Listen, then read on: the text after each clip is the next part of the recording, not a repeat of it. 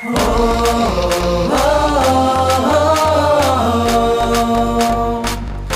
ငယ်တို့အတွက်စိတ်အမှန်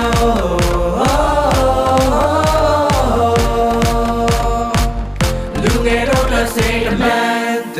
များတဲ့နေတဲ့တော့စီရောက်ရှိခဲ့ပြီအတိညာနာနဲ့ဘုသူတာတွေရရှိဖို့လေရှိ စနိုင်မယ်နှလုံးသားတွေနဲ့ရင်ချဖို့တွေ့လေဘုကွယ်နေတော့အသိပညာများတို့မြင်မှုတွေ့လေလူငယ်တို့အတွက်စိတ်မှန်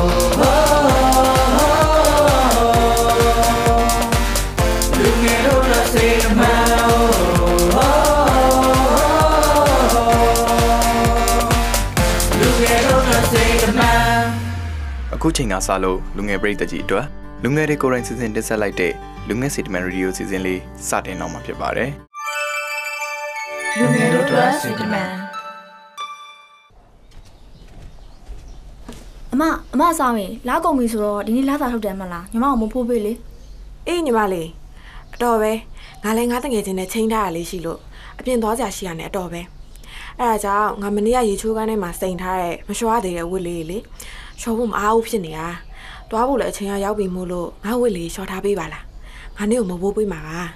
လိမ္မာပါနင်းပြူပါငါနေ့ကိုမဘိုးပေးမယ်နော်အမဆောင်ကလည်းကိုဝတ်ထားတဲ့အဝတ်တွေပဲကိုယ့်ကိုလျှော်လိုက်ရင်ပြီးရောပေါ့ဟဲ့နင်းပြူငါကနင်းမလေးပြီးတော့ငါနေတိုင်းလုံးလုံးနေရတာငါအိမ်ပြန်ရောက်ရင်မှောင်ပြီးဆိုတာနဲ့အလုပ်တွေလုပ်ဖို့အချိန်ကရှိတာမဟုတ်ဘူးဒီနေ့မှအားတာလေဒါကြောင့်အားရနေလေးမှာငါတငယ်ချင်းနဲ့ချိန်ထားတာလေငါဝတ်တွေလျှော်ပေးပါနော် ငါနေ့ကိုမိုးပေးမယ်လေအမကဘလောက်ပေးမှမို့လို့လဲ9000လားဒါဆိုတော့လျှော်ပေးမယ်လေပြောနင်းပြူနင်းအတွက်9000နင်းပြူငါဝတ်တွေလျှော်ခိုင်းတဲ့အကြောင်းအမေကိုပြန်မပြောပြနဲ့နော်ငါဝတ်တွေကိုလည်းတနက်ပြည့်ပြည့်လေးဖြစ်အောင်လျှော်ပေးဟုတ်ကဲ့ပါအမဆောင်ကလည်းကဲဒါဆိုသွားပြီ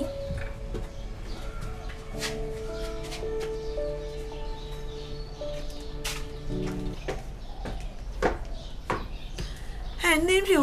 သမီးရေအမေပြန်ရောက်ပြီနင်းမမလည်းအမေကိုလာကူပါအောင်အမေပြန်ရောက်နေပြီဟုတ်မေဒီနေ့ဈေးရောက်ကောင်းလားမေဒီလိုပါပဲသမီးရေရောင်းကောင်းပါတယ်နင်းဖြူနင်းအမရောပြင်သွားတယ်လေမေဒါနဲ့နင်းကရေချိုးခန်းထဲမှာဘာလုပ်နေရအဝတ်လျှော်နေတာအမေရဲ့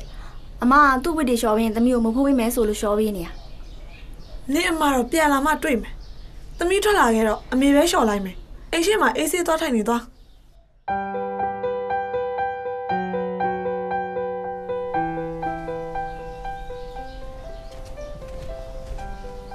အမေဒီမှာအမဆောင်ပေးထားတဲ့မဖိုး9000အဲ့ဒါအမေပဲသိမ်းပေးထားပါနော်ဟုတ်ပါပြီသမီးရဲ့အမေကောင်းကောင်းသိမ်းထားပေးပါမယ်။အော်ဒါနဲ့သမီးမှာအမေဝယ်ပေးထားတဲ့စုဘူးရှိတယ်လေ။အဲ့စုဘူးတွေကိုပဲထည့်လိုက်ပါလားသမီးရဲ့ဟုတ်ကဲ့ပါအမေ။လူဆိုတာ ပတ်စံစုတတ်တဲ့အချင်းဖြစ်အောင်ဝင်းမြူရမယ်တဲ့။အဲ့ဒါကိုမိဘတွေကငယ်ငယ်လေးကသင်ပေးရမယ်လေ။ဒါကြောင့်အမေကသမီးကိုစုဘူးဝယ်ပေးထားတာ။လူမိုင်းနဲ့ငွေအတူမနေတဲ့။ငွေမစုတတ်တဲ့သူတွေကလူမိုင်းတဲ့အမေသမီးလေးလည်းလူမိုင်းမဖြစ်အောင်ငွေစုထားနော်။ပတ်စံစုတယ်ဆိုတာကျမ်းမာရေးအတွက်အရေးပေါ်အခက်အခဲကြုံလာရင်ပညာရေးအတွက်အရေးပေါ်အခက်အခဲကြုံလာရင်ပဲဖြစ်ဖြစ်ဟောနောက်တခြားအထွေထွေအသုံးစိတ်တွေအတွက်အရေးကြုံလာရင် လိုလိုမမဲ့သုံးဖို့အတွက်စုထားရမယ်တဲ့သမီးရဲ့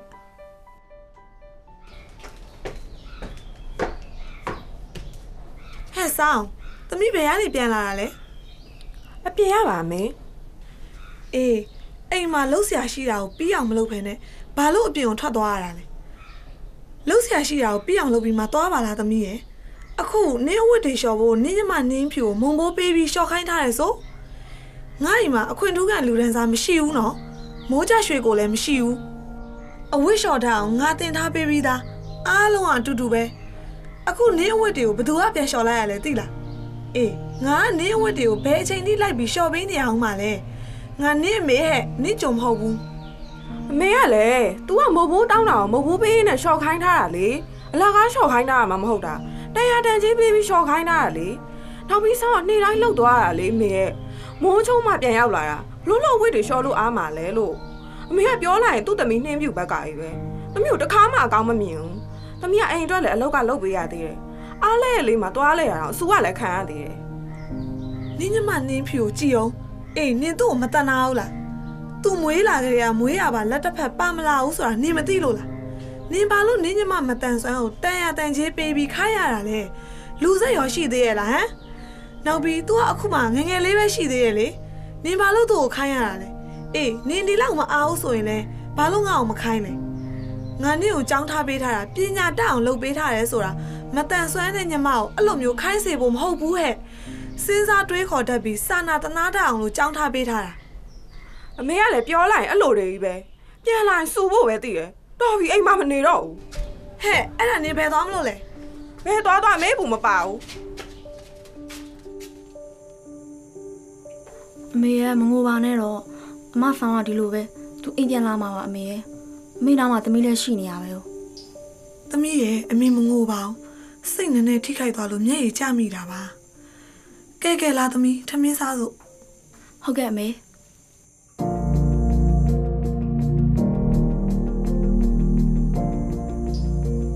အမေအဖေကလေဘာလို့သမီးကိုငွေရတဲ့အိမ်ပြန်မလာတော့တာလဲ သူဘာလို့မိသားစုတာဝန်ကိုမယူဘဲနဲ့အမေကိုယူခိုင်းရတာလဲ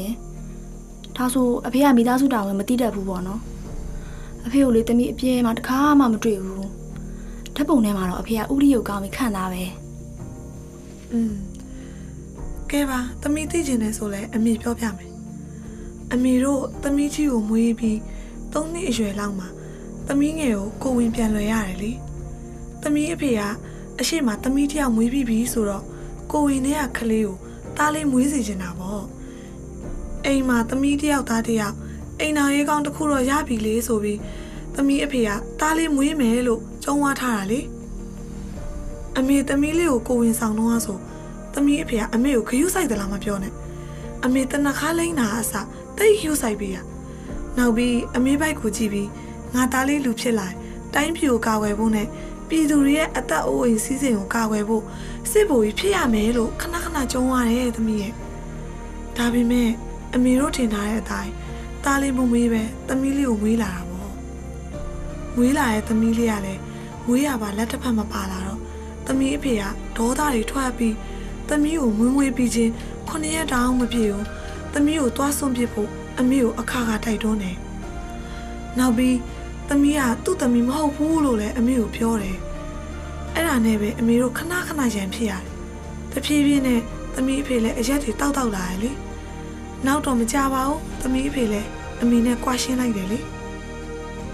အဲ့ဒီကလေးကအိမ်ရထွက်သွားလိုက်တာခုချိန်ထိဘာသတင်းမှမကြားတော့ဘူး15နှစ်တောင်ကြော်နေပြီပေါ့သမီးရဲ့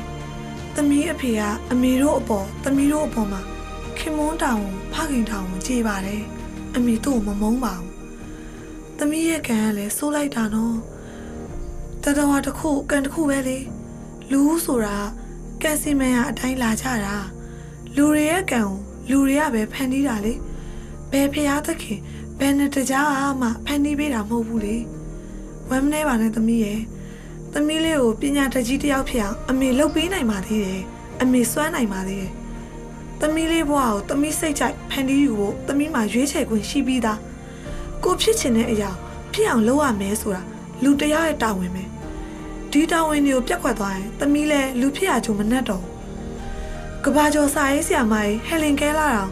မျက်မမြင်နားမကြဘဝကနေလာခဲ့တာပဲလေ။နောက်ဆုံးတော့ကဘာကျော်စာရေးဆရာမဖြစ်လာတာပဲမဟုတ်လား။ကိုမွေးကလေးကပါလာတဲ့အရာတွေကအတိတ်ကံကြောင့်ပေါ့ဒါတွေကပြုတ်ပြင်လို့မရဘူးလေဒါပေမဲ့လူဆိုတာမမြင်နိုင်တဲ့ကောင်းတဲ့အတိတ်ကံတွေကလည်းအများကြီးရှိသေးတယ် အဲ့အတိတ်ကံတွေကိုပြစ္ဆုတ်ပံကံနဲ့ပေါင်းလိုက်ရင်သမီးလေးရဲ့အနာဂတ်ကလှပသွားမှာကိုယ့်ရဲ့ဘဝကိုကိုယ့်စိတ်တိုင်းကြပုံဖော်ခွင့်သူစစ်ပိုင်ခွင့်ရှိတယ်သမီးရဲ့ဒါတွေကိုလှုပ်ဆောင်အောင်မှသမီးရဲ့တာဝန်ပဲဘာအတွက်ကြောင့်မှစိတ်မပြတ်နဲ့နော်သမီးကဲကဲသမီးလည်းစာချက်တော့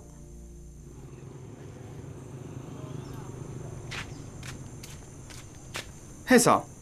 နင်းနင်းအိမ်မပြန်သေးဘူးလားညလည်းအတော်နဲ့နေပြအောင်ဟဲ့ချစ်ညို နင်ဒီချိန်ဘယ်ကနေဘယ်ကိုပြန်လာရလဲငါငါတော်ဆရာပြန်လာတာဟာခုံနှမ်းပေါ်မှာထိုင်နေနေမလားလို့ထင်ပြီးတေးကြအောင်ငါလာကြည့်တာဆောင်နေပါလို့ခုချိန်နေအိမ်မပြန်သေးတာငါငါအမေနဲ့စကားလေးနည်းနည်းများလာလို့။အော်စောင်းရဲ့စကားများတာနဲ့ပဲအိမ်ကိုမပြန်စရာလား။ဘာအကြောင်းနေကြောင်ဒီလောက်တောင်စိတ်ဆိုးပြီးအိမ်မပြန်ချင်နေရတာလဲငါညမလေးနင်းပြူကိုအဝတ်တွေရှော့ခိုင်းပြီလို့လေနင်းသိရဲ့အတိုင်းပဲငါညမလေးကလက်တစ်ဖက်တန်တာမဟုတ်ဘူး ငါလည်းဒီနေ့လှုပ်ပေးလို့ဆိုပြီးတော့တငယ်ချင်းတွေနဲ့ချိန်ထားရရှိလို့သူ့ကိုခိုင်းလိုက်မိတယ်ဟဲ့ငါပြန်လာတော့ငါအမြင်ငါ့ကိုပြောပါလေရောငါလည်းမခံချင်တာနဲ့စကားနည်းနည်းပြန်များလာတာ။စောင်းရဲ့နင်းလဲတက္ကသိုလ်တက်နေရကိုအဝေးတင်တတိယနှစ်တောင်ရောက်နေပြီ။နင်းလဲတွေးတတ်မယ်လို့လည်းငါထင်တယ်။မိဘနဲ့အစင်မပြေတဲ့အိမ်ပေါ်ကဆင်းမယ်ဆိုတာဘယ်သားသမီးမှအိမ်ပေါ်မှာရှိကြတော့မှမဟုတ်ဘူး။စောင်း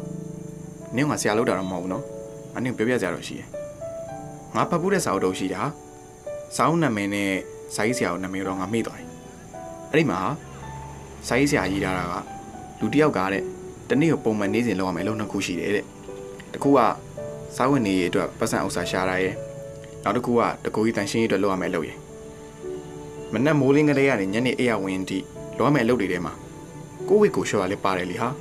။စောင်းရယ်အဝိလျှော်ရဲဆိုတာနေစဉ်လှုပ်ဆောင်ရမယ်လူတစ်ယောက်ရဲ့လုပ်ငန်းတာဝန်တွေမှာပါတယ်လေ။အဲ့ဒါကြောင့်ဘယ် သူမှမခိုင်းမဲ့ကိုယ့်အလုပ်ကိုတောင်းယူနေအကောင်းဆုံးပဲလေဟာ။ချစ်ညူရဲ့ငါငါဝတ်တွေရှော့မှပြင်းတယ်ဟာနင်းသိရဲ့အတိုင်းပဲငါအခုချိန်ဒီအဝတ်တွေပါတိတ်ပြီးရှော့ဘူးတာမဟုတ်ဘူးငါအမေကပဲငါ့ကိုရှော့ပေးနေကြလေ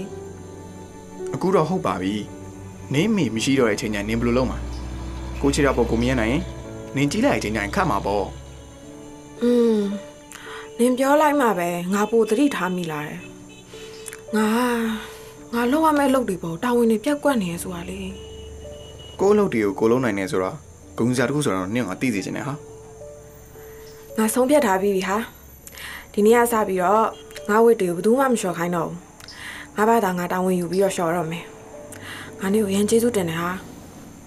ရပါတယ်ဟာစောင်းပါလေတငယ်ချင်းချင်းချင်းနေပဲဟုတ်မလိုပါဘူးငါတို့ကအရင်ကြီးဆုံးလူတွေပဲဟာချစ်ညိုရေငါ့ကိုအခုလိုပြောပြပေးလို့အရန်ကျေးဇူးတင်တယ်နော် ငါလည်းနောက်ဆုံးငါညမလေးကိုမခိုင်းတော့ပဲကိုဝတ်တွေကိုကိုယ့်ဘာသာကိုဝယ်လျှော်လိုက်တော့မယ်ကွယ်ဒါမှပေါ့ဆောင်ဆောင်းမိုးလေးရမ်းချုံနေပြီအခုအိမ်ပြန်လိုက်ပါလားငါလိုက်ပို့ပေးမယ်လေချစ်ညိုရေငါပြန်လို့အဆင်ပြေပါမလားငါငါမျိုးမျက်နှာချင်းမဆိုင်ရဲသေးဘူးဆောင်းမိဘဆိုတာတားသမီးဘလောက်အပြစ်တွေလို့လို့ခွင့်လွှတ်ပြီးသားတောင်းဆိုဘလို့ဆုံးတာပြေဦးထုံးစံရှိမိမယ်တားဆိုသမီးဆိုပြေဦးထုံးစံမရှိဘူးလေဆောင်းရဲ့ နောက်ပြီးနင်းကစိုးတဲ့သမီးလည်းမဟုတ်ဘူးလေအလုပ်လုပ်ပြီးအမေနဲ့ညီမကိုတစ်ပတ်တစ်လမ်းလေးထောက်ပံ့ပေးနေတဲ့သမီးပဲဟာကဲလားပြန်စို့ငါလိုက်ပို့ပေးမယ်နင်းကိ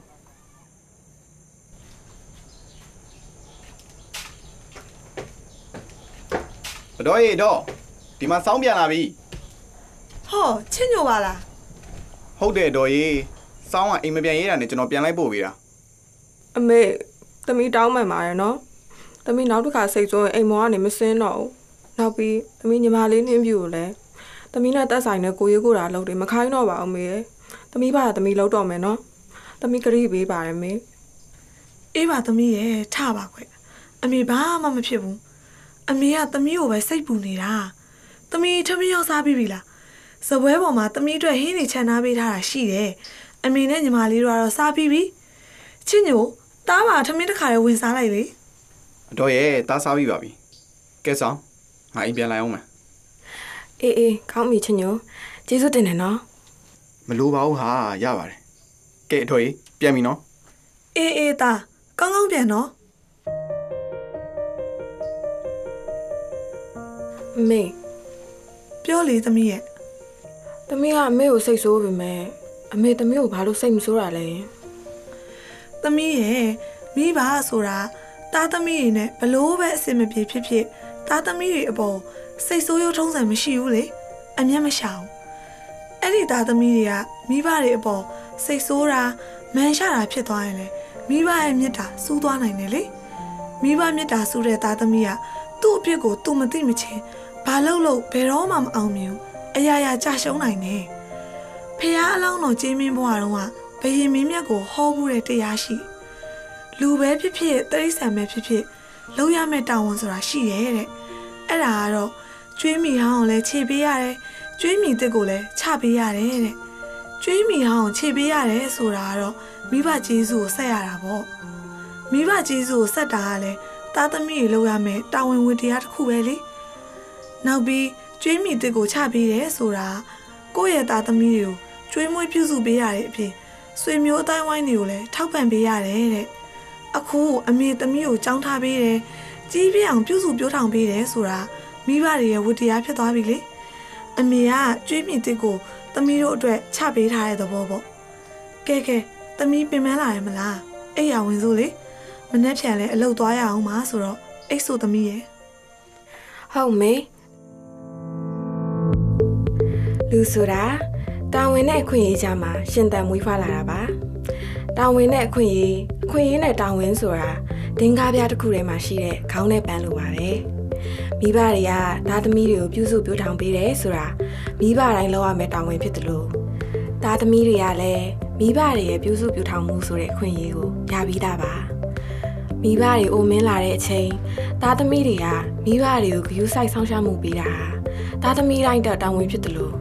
မိဘတွေကလည်းသားသမီးတွေစီကနေဂရုစိုက်မှုဆိုတဲ့အခွင့်အရေးကိုရပြီးသား မိဘဆိုတာလေသားသမီးတွေကိုမိဘဝတ္တရားနဲ့အညီပြုစုပြောထောင်ပေးရတယ်လို့သားသမီးတွေကလည်းသားသမီးဝတ္တရားနဲ့အညီမိဘတွေကိုဂရုစိုက်ပေးရမှာအမှန်ပါပဲပြန်လည်အားဖြင့်တော့မိဘနဲ့သားသမီးကြားဆိုတာတာဝန်နဲ့အခွင့်အရေးဆိုတာရှိပြီးသားပါအားလုံးမိမိတာဝန်ကိုနိုင်အောင်ထိန်းပြီးအခွင့်အရေးကိုလည်းရအောင်ယူနိုင်ကြပါစေလို့ဆုတောင်းပေးလိုက်ပါရရှင်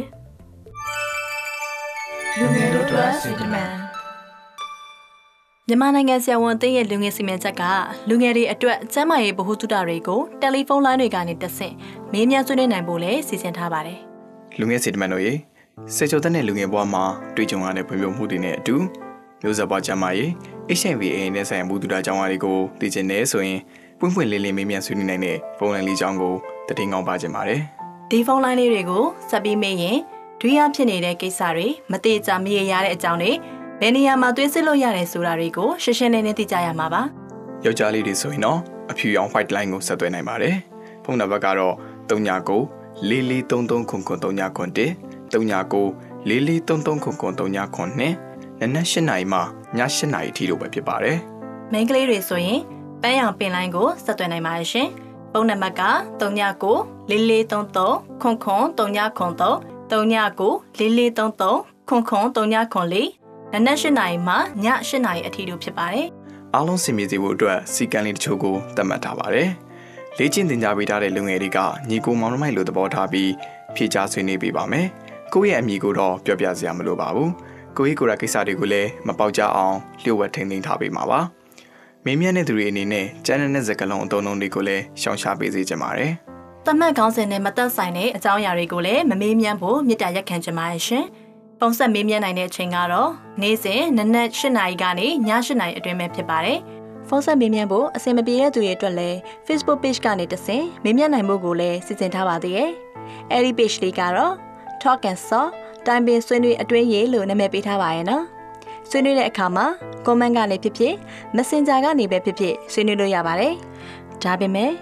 မိကုန်းလေးတွေကိုတော့ Messenger ကနေမေးပေးပါရှင်။ Messenger call တွေကိုတော့ ပြန်ဖြေပေးနိုင်မှာမဟုတ်ပါဘူးရှင်။နေ့စဉ်နနက်၈နာရီကနေည10နာရီအချိန်ထိမေးမြန်းနိုင်တဲ့အကြောင်းသတင်းစကားလေးပါလိုက်ပါတယ်ရှင်။လူငယ်တို့အတွက်စီတမန်လေလိုက်